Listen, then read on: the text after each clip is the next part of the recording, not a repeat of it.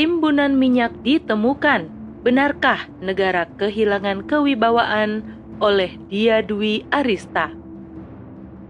Indonesia sebagai produsen terbesar kelapa sawit nyatanya tak mampu memenuhi kebutuhan minyak goreng dalam negeri. Padahal lahan kelapa sawit setiap tahun bertambah. Hasil panen kelapa sawit tidaklah terkendala. Produksi minyak goreng pun masih normal seperti sedia kala. Namun, sayangnya minyak langka susah ditemukan di mana-mana. Ironi ini berlanjut ketika Satgas Pangan Sumatera melakukan sidak di beberapa tempat. Mereka menemukan 1,1 juta liter minyak goreng siap pakai tertimbun di Lubuk Pakam, Kecamatan Deli Serdang. Padahal di Sumatera sendiri sedang mengalami langka minyak goreng. Jikalau ada pun dengan harga yang mahal, usut punya usut, rupanya pemilik minyak goreng yang ditimbun ini adalah grup Salim milik pengusaha Anthony Salim. Pihaknya mengatakan bahwa tumpukan minyak goreng tersebut telah dipesan untuk produksi mie instan yang merupakan induk perusahaan minyak tersebut, yakni PT Indofood Sukses Makmur Tbk. Di lain pihak, beredar berita PDIP atau Partai Demokrasi Indonesia Perjuangan membagikan 10 ton minyak goreng dan 10 ton gula pasir serentak di 21 kota di Medan. Yang menjadi sorotan adalah kemampuan mereka mengumpulkan 10 ton minyak di tengah kelangkaan. Dari mana mereka mendapatkannya? Adanya berita tentang penimbunan yang ditemukan dalam jumlah besar tak hanya terjadi di Sumatera saja, namun di beberapa wilayah juga ditemukan hal serupa. Padahal pemerintah sudah mengeluarkan gelontoran dana subsidi sekitar 3,6 triliun agar harga minyak goreng bisa kembali normal dalam kisaran Rp14.000 per liter. Penemuan timbunan ini bagai tamparan bagi kebijakan pemerintah yang menjanjikan minyak goreng bersubsidi tersedia di pasar dan retail modern. Kenyataannya, retail modern seringnya menunjukkan rak kosong pada bagian minyak goreng, bahkan di pasar tradisional pun terjadi kelangkaan. Penyebab kelangkaan minyak goreng ini pun menurut Brigjen Pol Wisnu Hermawan Februanto, Direktur Tindak Pidana Ekonomi Khusus dikarenakan terlambatnya pengiriman dari distributor dan tingginya minat warga untuk membeli minyak goreng. Tak sinkronnya kebijakan pemerintah dan kebijakan distributor minyak goreng menimbulkan tanya, apakah pemerintah sudah hilang kewibawaannya hingga titahnya pun bisa diabaikan dengan mudah? Kewibawaan pemerintah tak hanya turun di kalangan pengusaha, sebab rancunya kebijakan dan realita di lapangan. Namun, kewibawaan pemerintah juga tergilas dengan langkanya minyak goreng usai kebijakan satu harga ditetapkan. Rakyat yang tak mau tahu tentang regulasi marah dan kecewa menuntut pemerintah menyelesaikan persoalan harga dan kelangkaan minyak tersebut. Dalam ekonomi ala kapitalisme, orang yang mempunyai modal besar dapat melakukan apa saja, tak terkecuali membeli barang dengan jumlah yang fantastis. Hal tersebut memang diperbolehkan, namun yang menjadi masalah adalah ketika barang tersebut hanya ditimbun dan tidak didistribusikan dengan tujuan perubahan harga dalam pasar, maka ini menjadi masalah besar. Inilah yang disebut dengan kartel. Beberapa bulan yang lalu, harga CPO dunia meningkat pesat di pasar internasional. Imbasnya, Indonesia pun ikut mengambil harga internasional bagi produk turunannya, yakni minyak goreng. Maka rakyat dipaksa membeli minyak goreng hasil olahan dalam negeri, berikut bahan baku juga dari perkebunan sendiri, namun harga mengikuti internasional. Padahal jika ditilik lebih dalam, proses produksi dan bahan tak ada peningkatan pun dalam proses pembuatannya. Namun, harga minyak goreng tetaplah tinggi. Disusul dengan kelangkaan yang terjadi, maka terdapat dua kemungkinan adanya kartel minyak goreng. Pertama, kartel berasal dari produsen.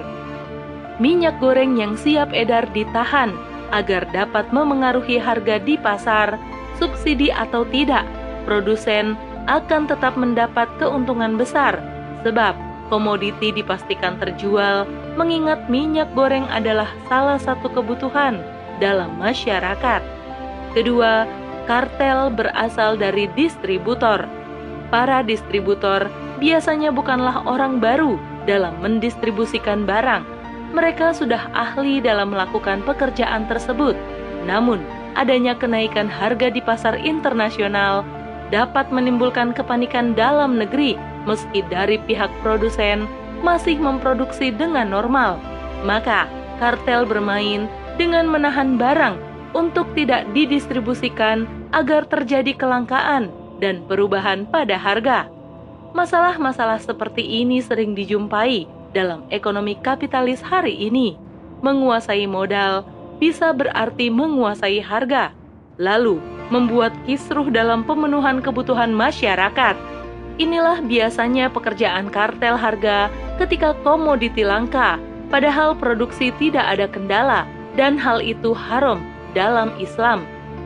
Indonesia yang menggunakan sistem ekonomi kapitalis tentu akan menyelesaikan segala permasalahan dengan kacamata kapitalis pula. Dalam masalah harga minyak yang melonjak, pemerintah tak ragu menggelontorkan triliunan rupiah agar terjadi kestabilan harga dalam pasar.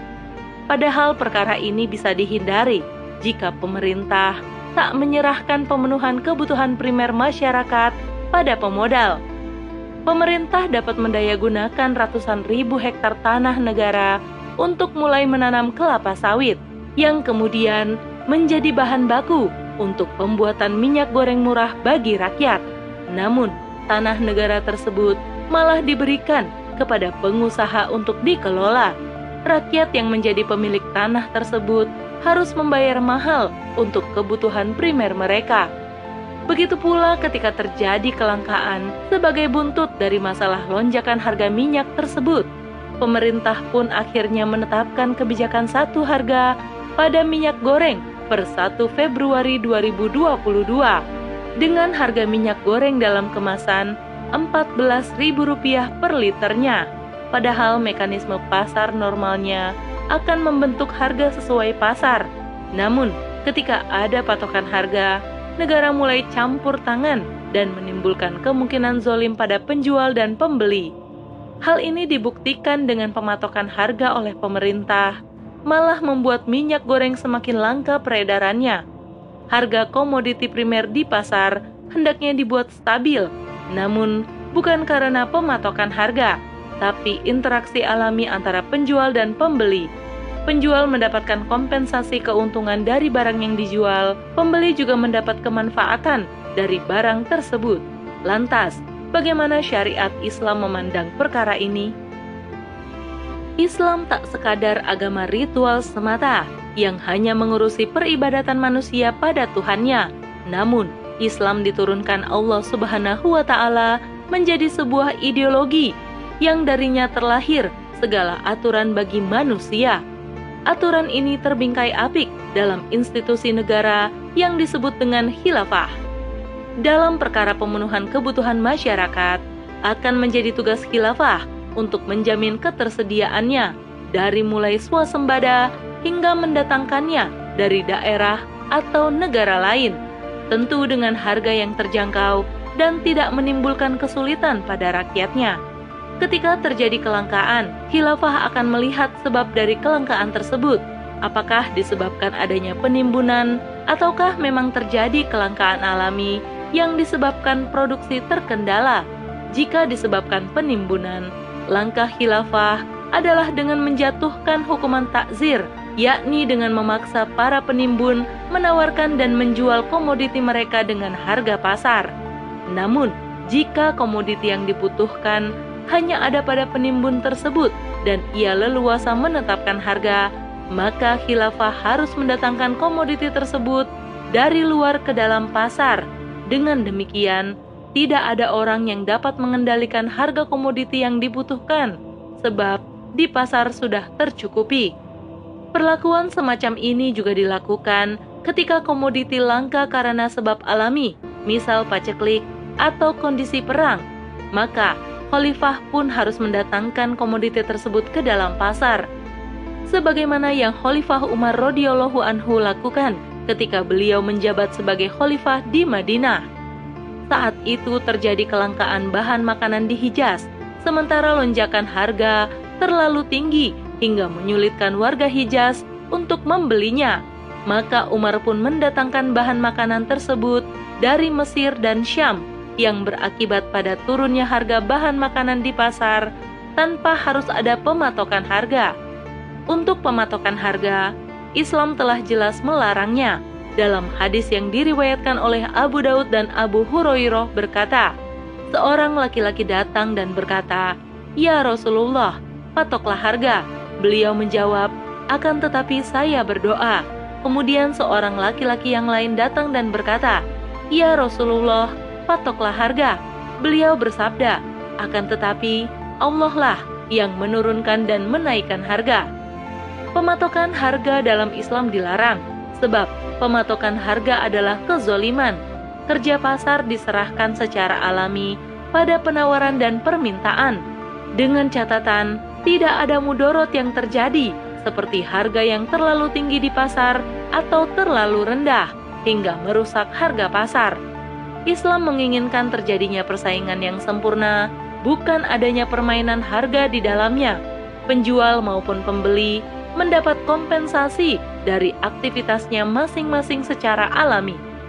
Khotimah Penimbunan minyak yang dilakukan beberapa oknum jelas telah merusak pasar dan mengganggu kebutuhan masyarakat akan komoditi tertentu.